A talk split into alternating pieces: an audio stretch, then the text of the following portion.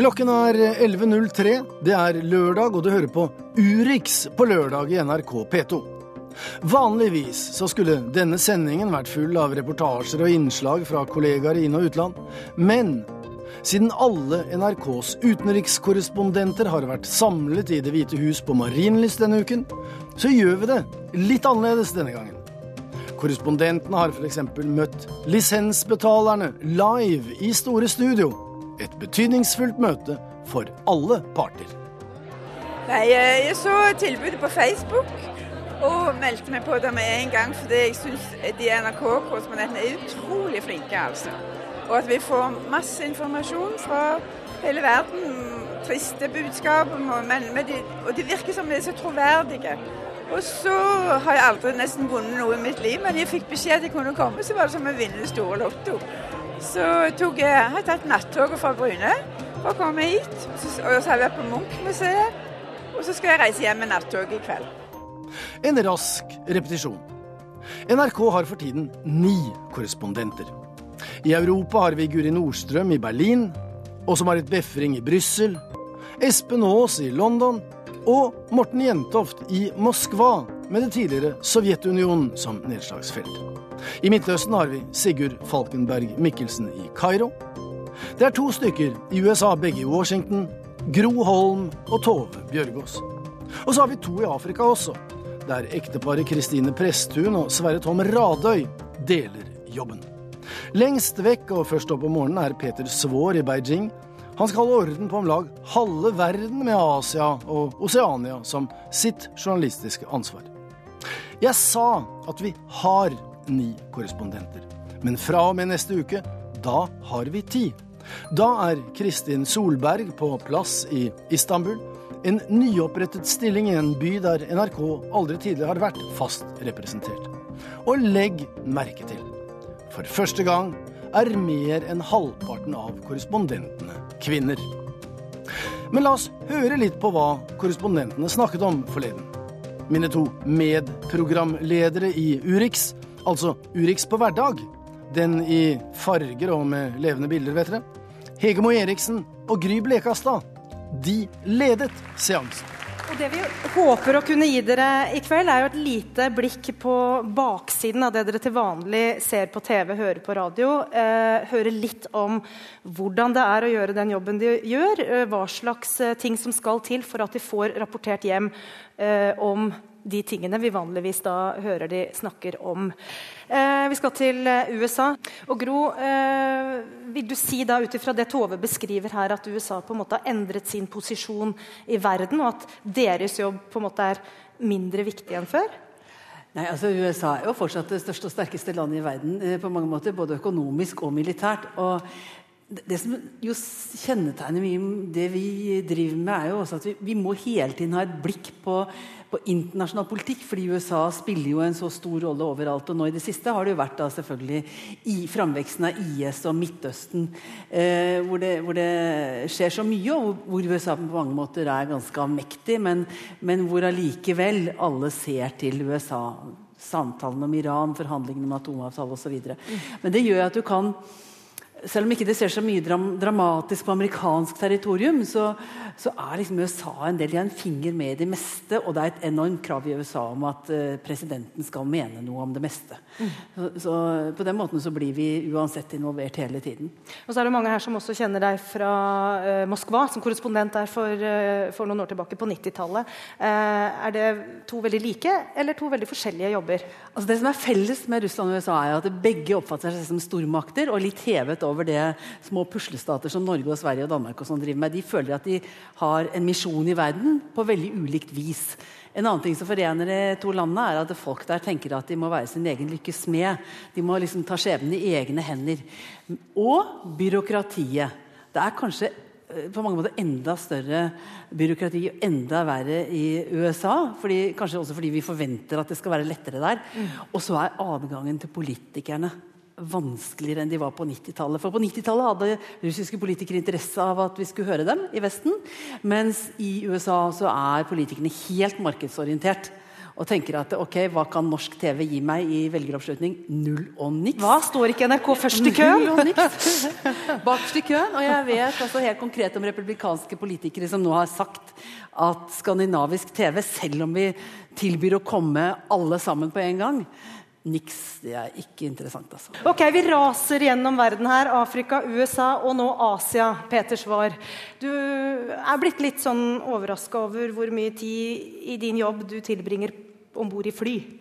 Ja, det er jo veldig store avstander. Eh, det er lenger eh, østover i dekningsområdet enn det er hjem til Oslo. Betydelig lenger.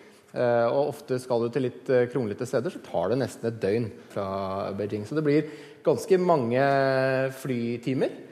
Jeg eh, blitt ganske god til å sove i litt sånne trange økonomisetter på Air China. Uh, og Det er jo en del av jobben. Det er et veldig stort kontinent, og det er veldig store forskjeller på landene. Fra si Nepal, hvor du har uh, millioner av mennesker som lever på under to dollar dagen, til Sør-Korea eller Singapore, uh, noen av verdens, eller andre land. Altså, Asia rommer jo både noen av verdens fattigste og noen av verdens rikeste land. Hvor mange aviser leser du hver dag? da? jeg leser sånn, Hver dag så leser jeg nok tre aviser jevnt over. Jeg leser uh, South China Morning Post, og så leser jeg China Daily, og så leser jeg uh, New York Times Asia. Det er de tre jeg forholder meg til sånn fra dag til dag. Men så kan du jo dykke ned i hvert enkelt land uh, og lese veldig mange land som har gode aviser, og enkelte land som ikke har så gode. Espen Aas. London-korrespondent. Når vi nå har liksom snakket med disse som dekker hvert sitt kontinent, så er det kanskje noen som tenker at ja, han har det lett, for at du har de britiske øyer. Jeg har da opptil halvannen times flyreise, f.eks., så jeg vil ikke si det.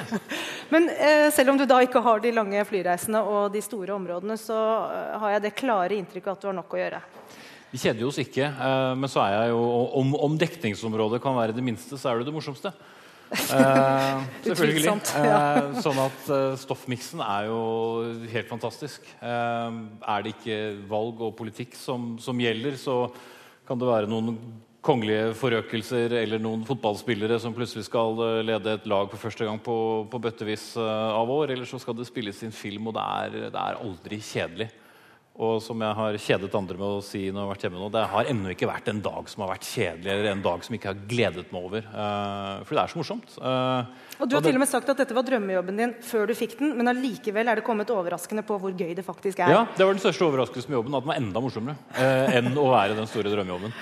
Eh, så dette, dette, lille øyriket som, eh, som, hersket over store deler av verden i sin tid, og som elsker sitt eh, dovne, lunkne øl og sin frityrstekte mat, det er et fantastisk godt sted å være. Og dere eh, opplever utrolig mye i jobben. Dere eh, opplever dramatiske ting. Dere møter mange menneskeskjebner. Eh, jeg har lyst til at dere skal fortelle oss noen av de historiene. Peter, du nevnte turen til Katmandu den lange flyreisen. Men uh, hva møtte dere, eller møtte deg, da dere landa? Ja, for det første så tror jeg jeg vil si at eh, Katastrofeområder sånn som Nepal var da, det er faktisk aldri så ille som det det ser ut på TV. Fordi kameraene filmer bare det sammenraste og det verste. Mens eh, det som er normalt, eller det som står, det ser du ikke. Så da vi kom inn, eller da vi fløy inn til eh, Katmandu, så var det nesten sånn at du så ut av vinduet og du så at veldig mange av husene sto. tenkte jeg, har det, liksom, har det virkelig vært et jordskjelv her? Landet. Det tok ca. ti minutter. Vi satt fortsatt i flyet. Da kom det første kraftige etterskjelvet. Eh, og det var jo dette skjelvet dagen etter som målte rundt 6,7. Det var et ganske kraftig skjelv som kunne eh, rasere hus med sin egen kraft. Eh, og hele flyplassen ble evakuert. Flygelederne løp for livet. Eh, vi ble sittende alene i dette forlatte flyet ute på rullebanen. Fly, kapteinen fikk ikke tak i noen. Eh, til slutt så kom det en flyvertinne ut og spurte om noen hadde telefonnummer til flyplassen.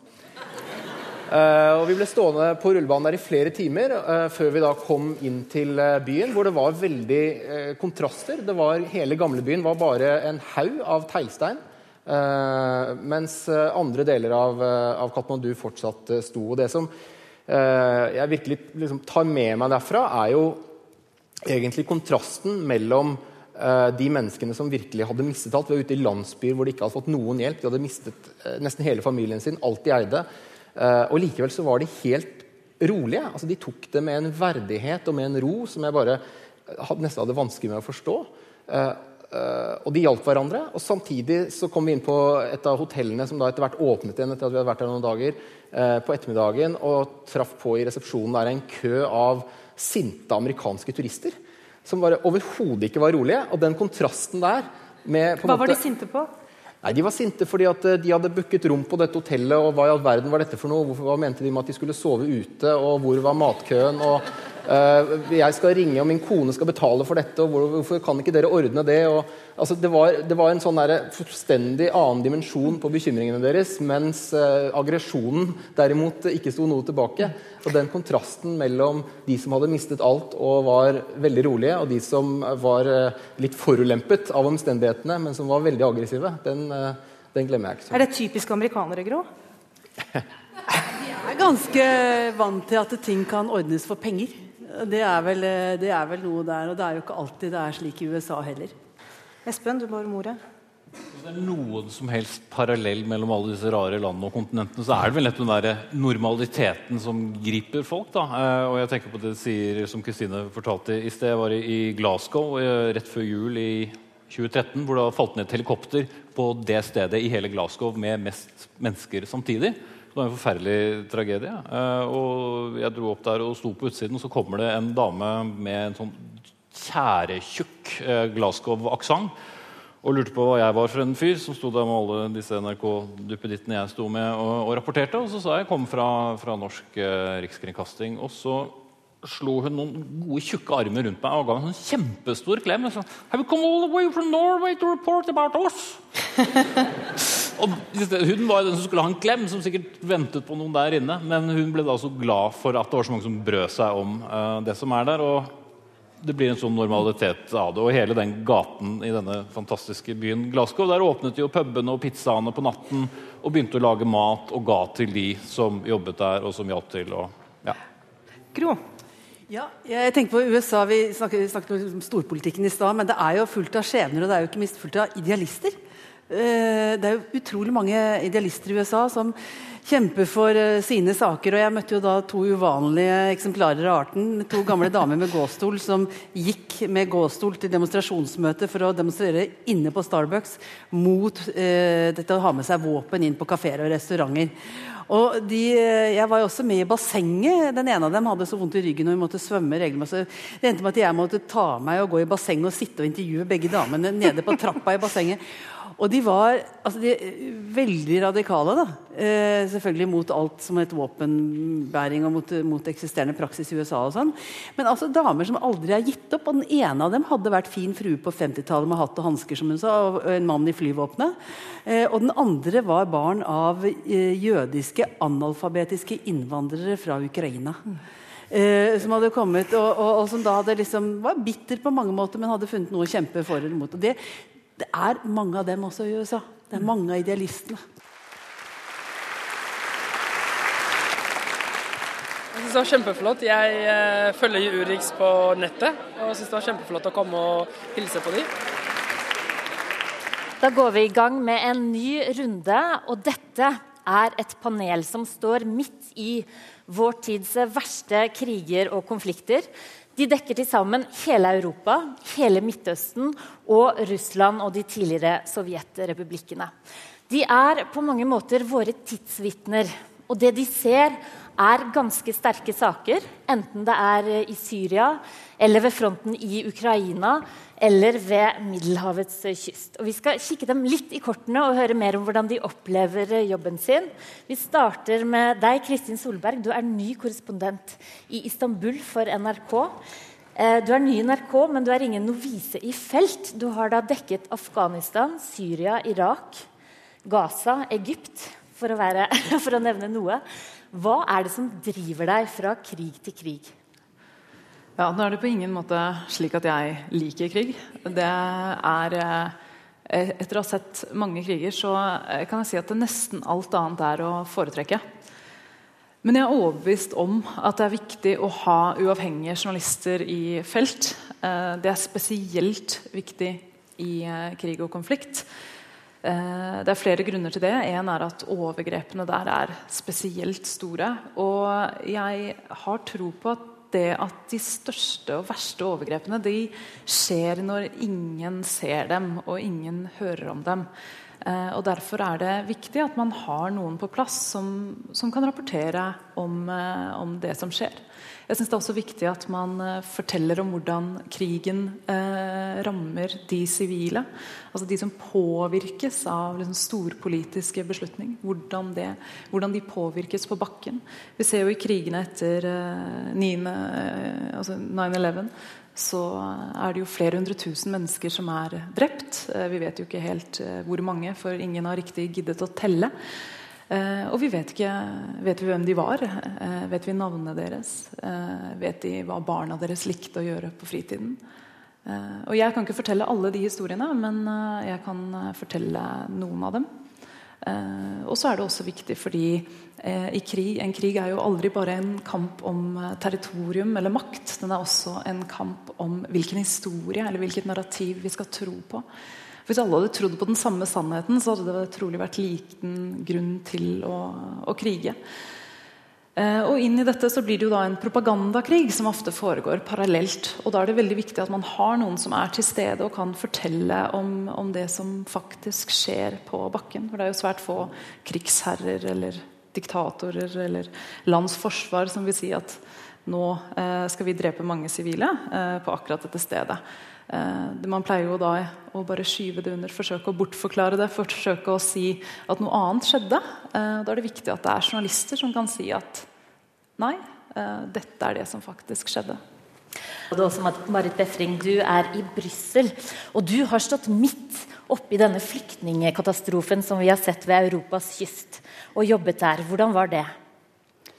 Eh, jo, det vi så herfra, var jo når jeg var med Kystvakta ut eh, Og det opplevde jeg som en veldig, veldig voldsom eh, affære, for å si det sånn. Eh, det tok oss tre måneder eh, å få bli med Kystvakta ut. Den italienske kystvakta? Den italienske kystvakta. Det var første gang et kringkastingsselskap fikk være med ut. Og vi fikk to plasser. Jeg tok da med tolk og fikser Alessandra Maggiorani. og vi delte da kupé med to helsepersonale som skulle da ta imot disse flyktningene og drive førstehjelp. og vi reiste da ut, og jeg måtte da også filme selv. og jeg vet ikke hvor mange som har filmet på sjøen, men Eh, det eh, førte til at jeg hang over rekka og intervjuet og filmet annenhver gang. og tolken satt og, og oversatte. Vi satt ute og jobbet under ganske vanskelige forhold inntil vi da kom ut i libysk farvann. fikk beskjed om at det nå Eh, har man oppdaget flyktninger. Og det å komme så tett på mennesker som er på vei til Europa, som har så mye håp og så, eh, så sterkt ønske om å komme unna Libya, som nå er eh, urolig og eh, voldsomt, å møte de der ute i den gummibåten og se så mange mennesker i en gummibåt. og kjenne lukten av dem etter å ha vært mange timer i varmen. Eh, det, eh, det, var eh, en veldig voldsom opplevelse. Både sånn personlig, men også det å tenke på den evige strømmen som kommer inn av flyktninger som er der ute, og hvor utrolig stort dette havet er. Det var jo så vidt vi så den gummibåten. Det, det gjorde sterkt inntrykk på deg? Det gjør sterke inntrykk. Og eh, når man da ser også hvor eh, hvordan denne strømmen bare fortsetter og fortsetter, og hvor eh, vanskelig det er for EU eh, å, å, ta eh, ordentlige eh, Altså møte den flyktningstrømmen som kommer. Eh, det er ganske uforståelig. Og de du møter, er jo de heldige, fordi det er jo mange som går ned til bunn. Ja, vi vet jo at bare i år så er det minst 1800 mennesker som har omkommet. Det er 50 000 som har kommet over så langt i år. Eh, så det er jo mange ganger flere enn det var i fjor. Og eh, de er de heldige, men eh, man vet jo ikke hvordan det går når de kommer på den andre siden.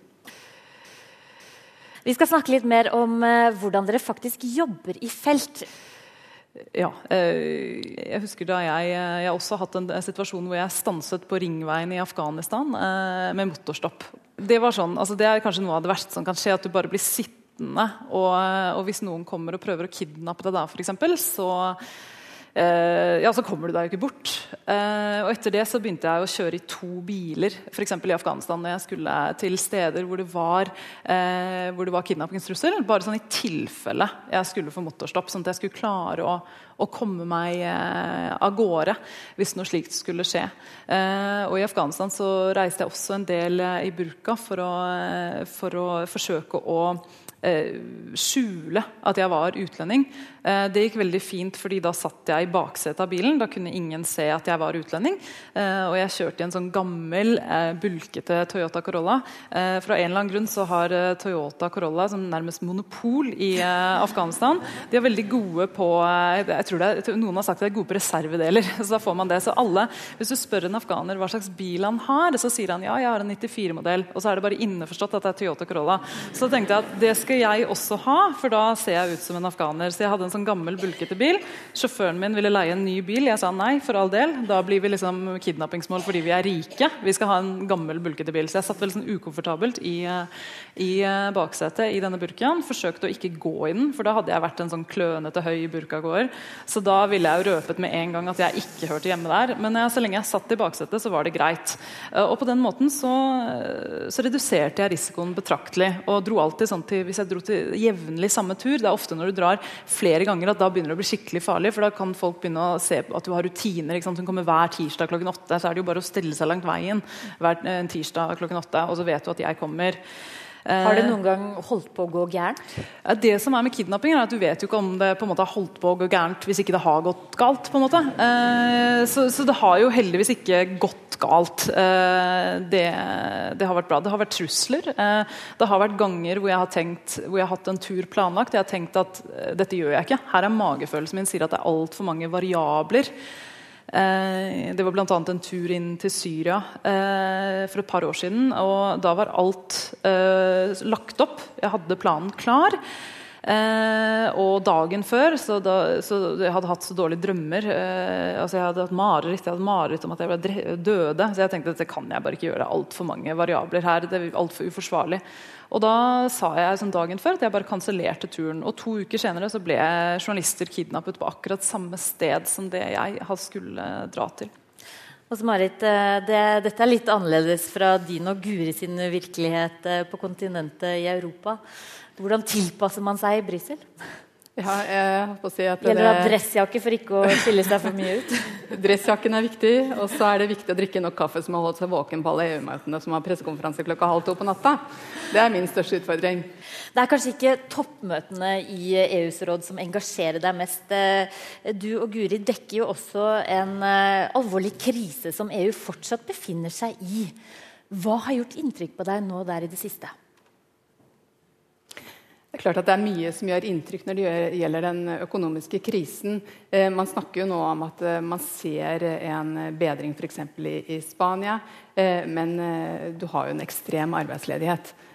Og man kan ikke se at det har skjedd noe med alle de som står utenfor.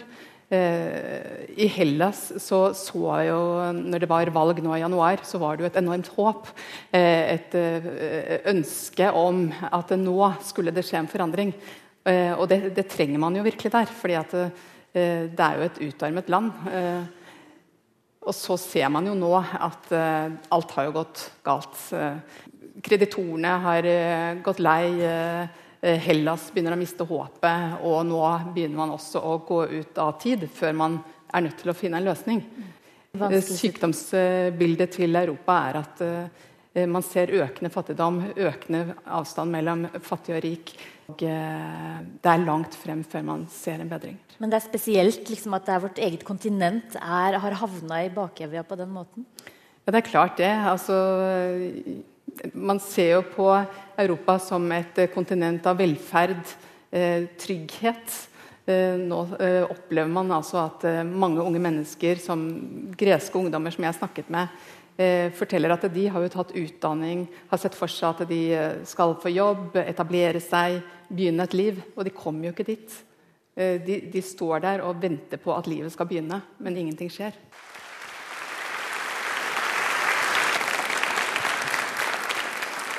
Ja, jeg kom hit fordi jeg syns det er veldig spennende det de driver med. Og jeg syns det var veldig innholdsrikt og veldig informativt og veldig spennende i dag. Det var et utdrag fra de to panelene som korrespondentene var delt inn i. Vi skal også ta noen samtaler med enkeltkorrespondenter. Vi begynner med Midtøsten med Sigurd Falkenberg Mikkelsen. Noen her snakket om gøy det er vel ikke akkurat det som beskriver det området du er, Sigurd. Det er mye trist og dystert derfra. Vi kan nevne altså den kanskje noe mislykkede etter hvert arabiske våren. Du har det tradisjonelle eh, konfliktområdet Israel og Palestina. Det er IS og Al Qaida, for å nevne noe.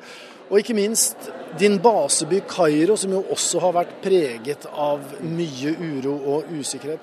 Hvor mye normalitet opplever du i ditt virke? Altså, Kairo er en by med 20 millioner mennesker, pluss minus. Det er klart, De 20 millionene, de aller fleste lever et vanlig liv. De går på jobben, uh, de sitter i bilkø, uh, de spiser koshari eller uh, full eller et eller annet sånn typisk klassisk egyptisk mat. Sånn at det er jo også altså, heng, Kairo henger fortsatt sammen som by. og i stor grad, med unntak av eh, Syria, så er de fleste konfliktsonene også sånn at eh, det er folk som lever vanlig liv oppi dette. Eh, men også de preges jo i veldig sterk grad av uh, omgivelsene, av den usikkerheten som skapes uh, rundt dem. Uh, økonomisk f.eks. Vi snakker ikke så mye om den, den, økonomiske delen av dette. Folk sliter. turistindustrien f.eks. er borte i Egypt. Jeg får ikke snakke om Libanon, alle, Jordan, alle disse landene som, som rammes økonomisk av det som skjer. og Det preger også folks dagligliv, samtidig som selvfølgelig alle den, all den troen på at det var mulig å få til en politisk endring er borte, og det preger jo også folk. Eh. Men du nevnte så vidt turistene som nå uteblir. Altså, Egypt er jo en av kulturens vugger. Mm. Tutankhamons grav, det er Nilen. Det er altså dette har vi lært på skolen mm. for noen år siden. Plager det deg at du drukner i all denne dramatikken? Mm. Altså Skulle du gjerne ha formidlet det vi nå har snakket om? Ja, selvfølgelig er det det. Altså, eh, men samtidig så er det også sånn at jeg, veldig ofte så havner man inn i, en, uh, inn, i, inn i, et satt narrativ. Det er uh, mye, mye, krig og elendighet. Og det er selvfølgelig et menneskelig liv bak alt dette. Det er et liv bak uh, overskriftene om bilbombe her og bilbombe der og, og, og, og et luftangrep der.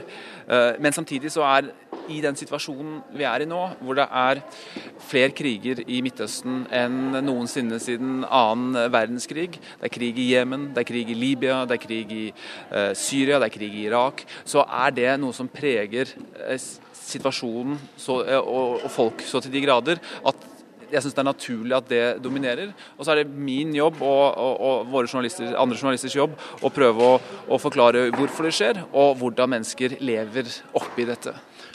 Du har vært hjemme, gått i 17. mai-tog med dine barn, formoder jeg. Du forholder deg til et norsk nyhetsbilde nå med tigerfødsler og pingvinterror.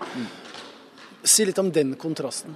Ja, det er voldsom. Uh, og også veldig fin, for det gjør uh, på et personlig plan. Det gjør at man setter jo pris, veldig pris på et 17. mai-tog. Gå går på stylter på en, en, på en, barneskole i Stavanger hvor vi feiret, feiret 17. mai. Sånn at du, du setter pris på den, den, den, denne åpenheten og den tryggheten som tross alt finnes her i Norge.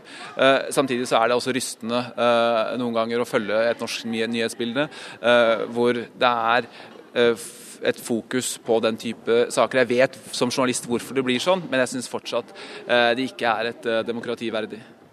Sigurd Falkenberg Mikkelsen, takk til vår Midtøsten-korrespondent. Helt fantastisk. Det er en, eh, det er en fascinasjon som, for dette som har vært der helt siden barneårene.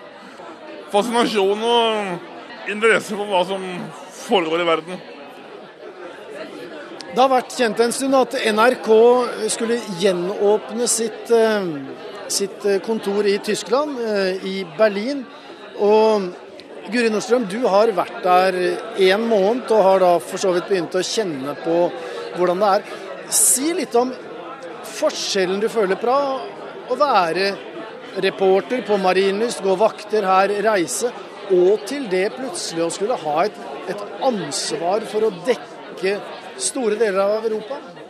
Den aller eh, største praktiske endringen er jo at jeg nå, fra å ha vært i åpent kontorlandskap med jeg vet ikke hvor mange mennesker, sitter helt alene på et hjemmekontor i Tyskland og skal dekke et enormt område, både tysktalende Europa og Øst-Europa, bortsett fra eh, de gamle sovjetstatene. Så det er den største endringen. Man er med f.eks. direkte i radioen, og så legger man på, og så sitter man der alene i sin lille hule i, i Berlin. Så det er den største endringen på hvordan jeg tidligere hadde det. Tror du at du vil få et miljø, andre korrespondenter, tyske journalister, eh, noen du kan kaste ball med? Hvordan fungerer det, tror du? Jeg vet du har bare vært der en måned. Ja, jeg har allerede vært mye i kontakt med andre korrespondenter eh, som jobber der. Og det er jo flere som er i samme situasjon som meg. Det er veldig mange som har hjemmekontor nå i forhold til tidligere, nettopp fordi teknikken tillater det. Og derfor finner vi andre møteplasser eh, hvor vi kan snakke sammen om uh, ulike saker, og om vi kanskje kan samarbeide på ulike plattformer. Så det er vi allerede i gang med, og det tenker jeg er veldig nyttig. Særlig for meg som bare har vært der en måned, og at jeg kan dra veksel på folk som kanskje har vært i Berlin allerede i to år og kjenner området veldig godt. Du, Ofte så, så ønsker man kanskje når man reiser ut slik du har gjort, eh, man har jobber man skulle gjort, man, man vet om saker man gjerne skal lage. Og så er jo det hele særdeles begivenhetsstyrt. Eh, du er styrt fra Oslo. Eh, man lar seg til og med påvirke av andre medier. Så, så, du kommer egentlig sist i akkurat denne delen av, eh, av næringskjeden. Er det noe du vet i dag at du drømmer om å gjøre i løpet av disse årene i Berlin? Altså, jeg har jo en lang liste over saker jeg har lyst til å lage. Og så har jeg hørt av folk som er mer erfarne enn meg, som sier at den lista kommer sikkert til å være like lang når du reiser hjem igjen. Men det jeg håper å få til i løpet av disse årene, er å gi et innblikk i Tyskland, tysktalende Europa og Øst-Europa. Komme nært på folkene som bor der, og ikke bare stå og eh, kommentere tysk politikk i drakt. Da ønsker vi deg lykke til med de gjenværende år og måneder i Berlin. Guri Nordstrøm. Men det har vært veldig, veldig kjekt. Og så er de så naturlige og så flinke. Og, og fortalte jo òg andre ting som vi ikke får på, med på nyhetene heller. Så det var, det var, veldig bra. Det må det bare gjøre om igjen. Da skal vi snakke litt om Afrika med Sverre Tom Radøy, som da utgjør halvparten av vårt uh, korrespondentkorps på det kontinentet. Dere har da i kraftig anførsel fått god drahjelp av ytterliggående muslimer dette året dere har vært der. Eh, Boko Haram, Al Shabaab, eh, jihadister og Al Qaida. Dere har pga. nyhetsbildet dekket mye mer av det nordlige Afrika, av det muslimske Afrika. Eh, hvor blir det av det med norske øyne tradisjonelle svarte Afrika syd for Sahara, som, som vi vanligvis hører mer fra? Nå kunne jo verden klart seg godt uten eh, Boko Haram og Al Shabaab, eh, og det kunne vi også som drahjelp. Eh, det er klart at Når så svære ting skjer som har en global innvirkning, og, og når fru Obama går rundt med frier våre jenter-T-skjorter, så er også NRK på, på, plass i disse viktige områdene. Ikke bare for Afrika og der det skjer, for hele regionen og for hele verden. Så, så, så det sier seg sjøl. Men det, det, må gå utover nå. Og øh, vel er vi to stykker, men som du sa, så skal vi bare jobbe som én person. Så noe har vi måttet så langt prioritere bort, og det er det tradisjonelle svarte Afrika. Det har du helt rett i. Du nevnte i um Urix eh, på fjernsynet tidligere denne uken, fotograf Bengt Christiansen. Ja. Når vi ser deg i ruta fra Liberia, så ser vi deg. Du nevnte Bengt. Det er et enormt apparat av skripter og produsere og tekstere og redigerere og kollegaer av andre sorter her hjemme på Marienlyst. Hvor ensom er man som korrespondent, og hvor avhengig er man av det støtteapparatet NRK stiller med? I spørsmålet så, så ligger det jo i at uh, vi, er, vi, er, helt avhengig av det. Altså, Vi er toppen av, uh, av isfjellet. Akkurat våre ord som går ut, men at de i det hele tatt kommer ut og kommer fram, ja, det er jo en lang kjede av kjempedyktige fagfolks uh, arbeid gjennom, for NRKs del, generasjoner som har fått til dette her. Det er en fabelaktig oppfølging. Helt fabelaktig. Og uten det så hadde ikke vi vært noen ting. Uten støtteapparatet hadde ikke Sverre Tom Radøy i Nairobi vært noen ting. Men vi skal også snakke med resten av korrespondentkorpset i eh, Nairobi. Kristine Presthun, som også er gift med Sverre Tom Radøy. Du har en 50% stilling, og mannen din har en 50% stilling. Litt flåsete er det slik at man eh, får to for prisen av én? I hvert fall 1,6. Det tror jeg kan skrive under på. Det er jo, Vi har en slags sånn vaktordning hvor vi skal være to uker på og to uker av. Men utfordringen er jo å koble av eh, de ukene man liksom ikke har vakt. Og så er vi jo på et kontor som bare krever utrolig mye administrasjon. Og det er lett at den som eh, ikke kanskje da følger det løpende nyhetsbildet, tar seg av mange sånne ting. Sånn at NRK får nok litt mer enn den stillinga. Ja, for altså, når vi ser deg fra Nord-Nigeria da har ikke du bestemt deg dagen i forveien og bestilt en flybillett, og vips, så er du der. Det er ufattelig tungt å reise på dette kontinentet, og det krever altså da forberedelser i lange baner. Fortell litt om det. Nigeria er et godt eksempel fordi at eh, for å si det som det er, så skal man egentlig søke om et pressevisum sånn et halvt års tid i forveien. Eh, det passer jo ikke måten vi jobber på. Eh, det sier nesten seg selv.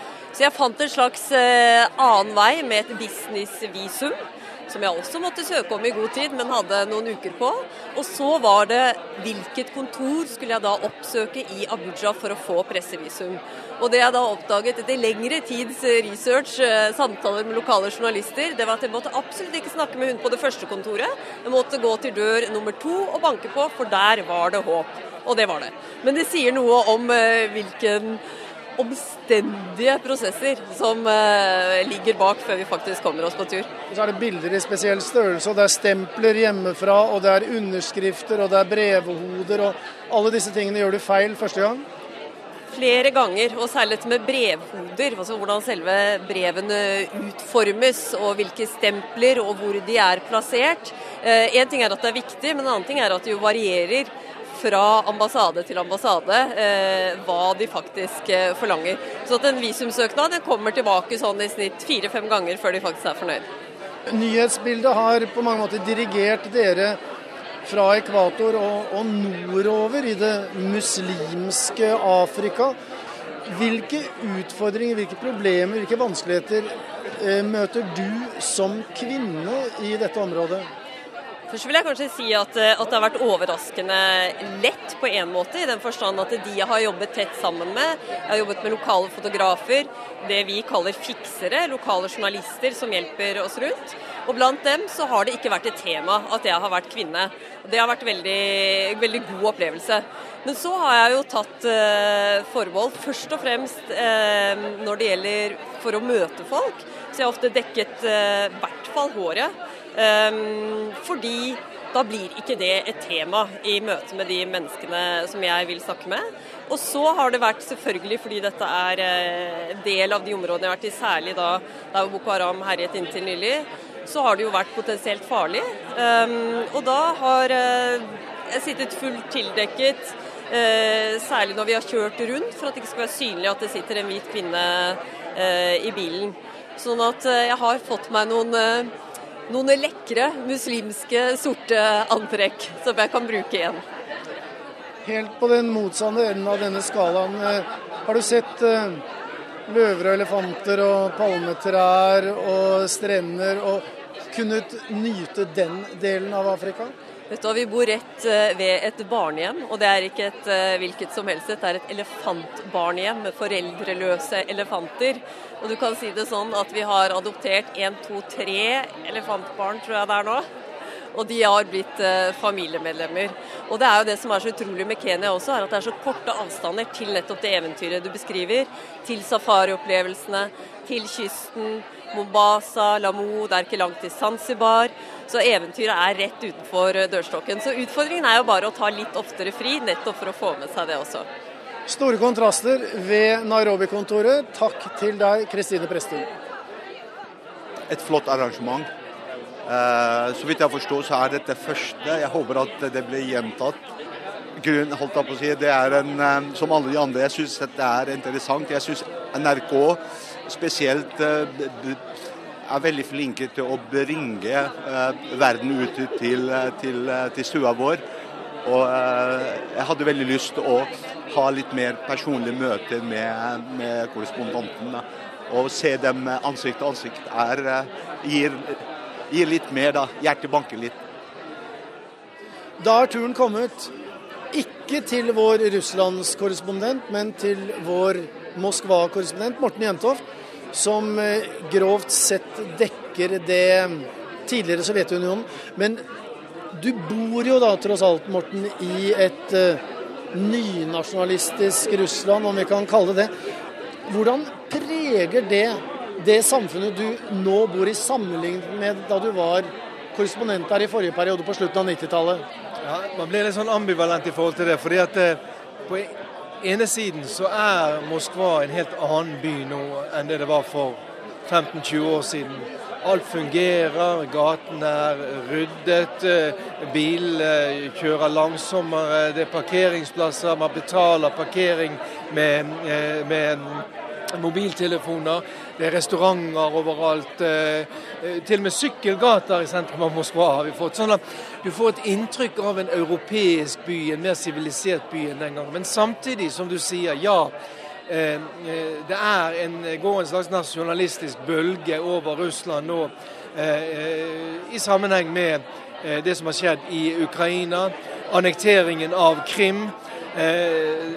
Russerne mener jo at det store flertallet av russere mener at det var på tide at den halvøyen da ble tilbakeført, som man sier, da, der, til den hører hjemme, nemlig til Russland. og Samtidig så støtter man jo da, da eh, det som man mener da er de eh, russiske selvforsvarsstyrkene, de russiskspråklige selvforsvarsstyrker inne i Ukraina. Dette har skapt selvfølgelig en, en entusiasme, eh, en nasjonalistisk bølge, som ligger der hele tiden når man snakker med folk. Det, det er veldig stor oppslutning også blant presumptivt liberale mennesker da, som støtter da uh, Putins politikk. Det er ingen som helst tvil om det. Så det er et annet, annet politisk klima enn den gangen. Men oppfattes du som representant da for et vestlig kringkastingsselskap som en slags motstander? Møter du den type tvil og mistenksomhet i din hverdag? Altså, Ja, eh, ikke kanskje mistenksomhet, men det er klart at eh, de ser nok på meg da, som en representant for Vesten. Jeg var akkurat nå borte i byen Perm, en millionby som ligger borte mot Uralfjell, og hadde en uh, hyggelig uh, drosjesjåfør da, som jeg snakket mye med. Han, og han gikk løs med en gang og spurte hva mener jeg om Russland og Putin og politikken. Hva syns jeg om det? da? Og Jeg sa jo rett ut at jeg syns at Putin fører Russland på feil vei nå. da. Men eh, nei, men han mente det helt motsatte. Eh, Putin han eh, har løftet nasjonen. og Han var en godt belest mann, han hadde vært i utlandet og alt, men han sa det at han var villig. Hadde ikke han vært så gammel, så ville han også meldt seg som frivillig for å slåss på separatistenes side nede i Ukraina. Men det er jo ikke bare drosjesjåfører i permen som er opptatt av hvor du står i denne konflikten spesielt da, mellom, mellom Russland og Ukraina. Du er jo blitt en hoggestabbe personlig for enkelte som er svært opptatt av dine rapporter. Nå kan man som korrespondent selvfølgelig si at det er hyggelig at noen lytter og ser, men på den annen side så har altså noe av disse frontene faktisk også forplantet seg inn i gruppen av lisensbetalere, og de er faktisk ute etter deg. Ja, eh, de er direkte ute etter meg, så kanskje ute etter NRK. Men eh, eh, jeg ser på noen av disse eh, bloggene som ligger ute, så har jeg fått en, en, et eget punkt. altså Der, der står det liksom eh, krigen i Donbas, Krimhalvøya, og så står det under Morten Jentoft. Så eh, Om jeg skal ta det som en hedersbetegnelse eller ikke, eh, det vet jeg ikke. Men det er klart at det, det, det vekker sterke følelser, denne konflikten her nede. Og Jeg forstår jo det at eh, folk gjerne vil at du skal da ta stilling. Men vår jobb er å rapportere alle sider av det som skjer. Og Det har vi jo gjort. Vi har vært fire ganger på regjeringskontrollert område i Ukraina. Vi har vært én gang på separatistkontrollert område moderne journalistikk det handler om noe annet enn å drive propaganda. Og at vi må prøve å balansere, kanskje ikke hver eneste reportasje, men i alle fall på sikt i den dekningen som vi gjør. Da vet vi det at Morten Jentoft kommer til å forsøke å balansere sin dekning også i årene som kommer. Takk til deg, Morten, eh, NRKs mann i Moskva. Det er jo veldig hyggelig. Det er eh, hyggelig, sånn trivelige mennesker. Og det var eh, sånn veldig jordnært. Så det virker som de er det veldig hyggelig med å komme hjem og treffe hverandre også. Så. Det er etter hvert et uh, nokså sikkert vårtegn når kringkastingssjefen skryter av NRKs eh, korrespondentnett og kaller oss da flaggskip og konkurransefortrinn og mye annet pent. Men kringkastingssjef Tor Gjermund Eriksen, nå med både 1. mai og 17. mai i friskt minne, så er det kanskje lett å la seg rive med og, og avholde slike festtaler. Men er det noe mer enn en festtale? Altså, som allmennkringkaster så er det helt åpenbart en del av det som er vår oppgave. En del av kjernen. Det er å bringe uavhengig journalistikk fra verden og hjem til Norge. Og Ofte så hører vi at verden kommer nærmere. Men jeg tror det ofte eh, er likevel er et riktig bilde å si at eh, det blir eh, Vi må passe på den uavhengige, kritiske, tilstedeværende dekningen fra hele verden. Vi ser at en del reduserer ressursene til utenriksjournalistikken. Vi, for oss så er dette utrolig viktig å ta vare på. Tidligere så var utenrikskorrespondenten kanskje i større grad enn noe mer tilbaketrukken politisk kommentator. Nå er korrespondentene allmennreportere i utlandet som dekker alt. altså I tillegg til da den politiske kommentaren, også ulykker og sport fortløpende. Eh, er det en god anvendelse av korrespondenten? Eh, det vil jeg mene, absolutt. Eh, vi, når vi er til stede i et land, vi, eller en region da, som, eh, som korrespondentene våre dekker, så må man kunne formidle de viktige historiene. Og Ofte hører vi at det er også en viktig oppgave å ikke bare eh, formidle det krisene, eh, sulten, nøden, eh, tragediene, men også gi et eh, riktig og mangfoldig og nyansert bilde av de regionene. Og Det er jo en dekning av andre ting ved samfunnet, kultur osv., med på å gi et sånt bilde. Det har vært en utvikling her, fordi at den gammeldagse korrespondenten var ofte filolog med mm mye sans for eh, godt språk. Mm. Det er det mange korrespondenter som fremdeles er, men nå er man nærmere ingeniøryrket med alle disse ledningene og appene og laderne og alt sånt noe. Men er rollen i bunn og grunn fremdeles den samme? Rollen er i bunn og grunn uh, den samme, og det er å fortelle historier fra verden, formidle historier på en uavhengig og journalistisk kvalitativt god måte. Det gjelder fortsatt. Da sier vi takk til kringkastingssjef Tor Gjermund Eriksen. Jeg syns dette var et veldig flott arrangement. Eh, og jeg kom Min motivasjon var fordi jeg syns man får kanskje litt eh, annet inntrykk av nyhetsbildet når man kommer så tett innpå de ulike korrespondentene. Og det som var min forventning, har eh, virkelig eh, innfridd. Vi nærmer oss nå det tidspunktet hvor vi under normale omstendigheter ville ha begynt å innannonsere denne sendingens korrespondentbrev. Men eh, det er ikke så veldig mye normalt ved denne sendingen, men det var jo satt opp en liste da, over korrespondenter som eh, skulle ha dette brevet. Og det var deg, det, Tove Bjørgaas, og vi skulle sagt, og det er i dag postlagt Washington og sånt noe. Men det ble det da altså ikke noe av. Men hva syns du? Puster du lettet ut fordi du slapp, eller, eller er det et skuffende sukk over at du er blitt fratatt en mulighet? Det er jo et litt skuffende sukk. Det er jo veldig veldig gøy å skrive korrespondentbrev. Eh, men det er også veldig mye jobb. Så det kan jo gå litt begge veier. Men jeg syns det er noe av det morsomste vi gjør.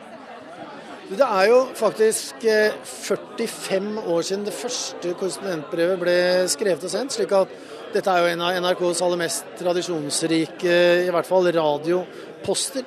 Det har alltid vært populært hos mottakerne. Er det like populært hos avsenderne?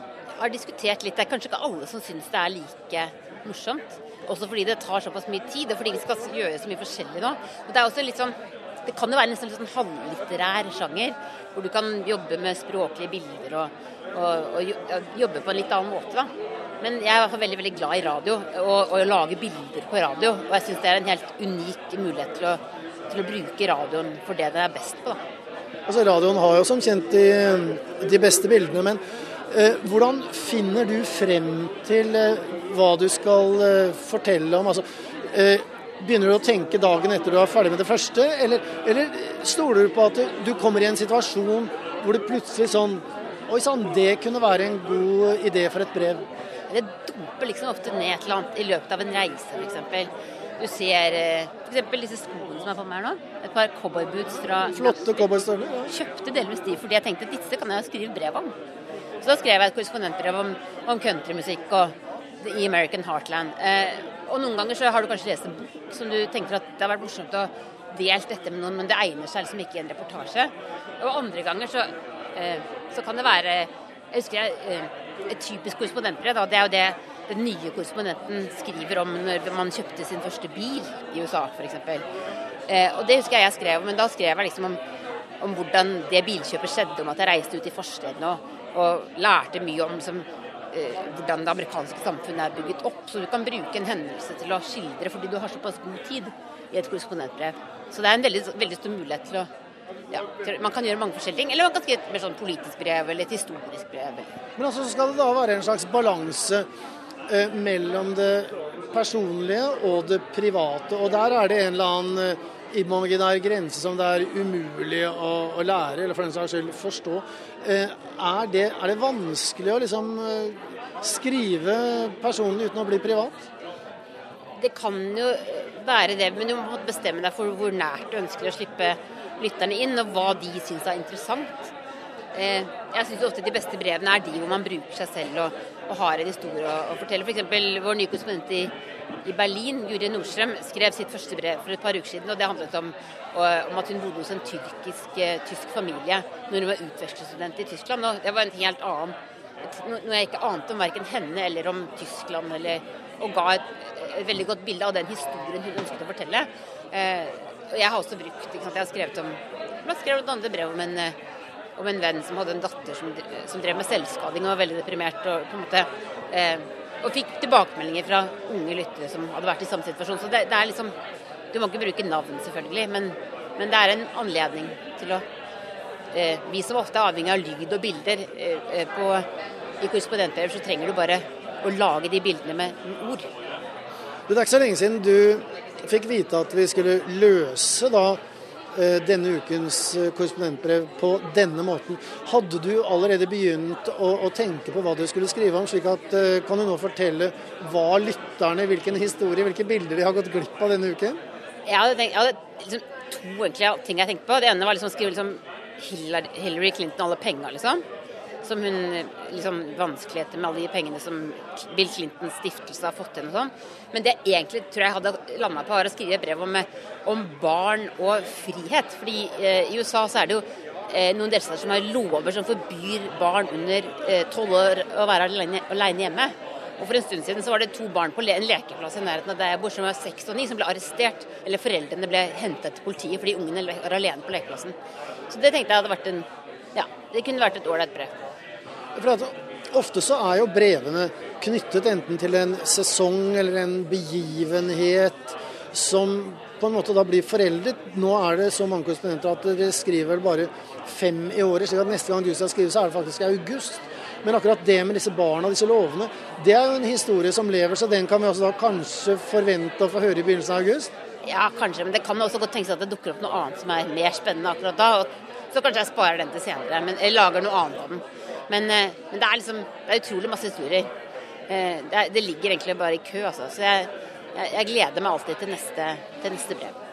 Det gjør vi også. Neste brev fra Tove Bjørgaas, poststemplet Washington, kommer i begynnelsen av august. Og dermed går denne Urix på lørdag-sendingen eh, mot sin slutt. og de som har stelt i stand dette og fått dette på lufta, det er tekniker Finn Lie, og så er det meg, da, Joar Hoel Larsen. Kunne jo sikkert hatt enda mer, selvfølgelig. Det kunne jo snakket i flere timer med alle. Så det er veldig bra at man har muligheten til å komme og høre på, høre på korrespondenten i en uh, litt personlig setting også, og få et innblikk i hva de jobber med. Og muligheten til å snakke med de også sånn etterpå. Så helt topp.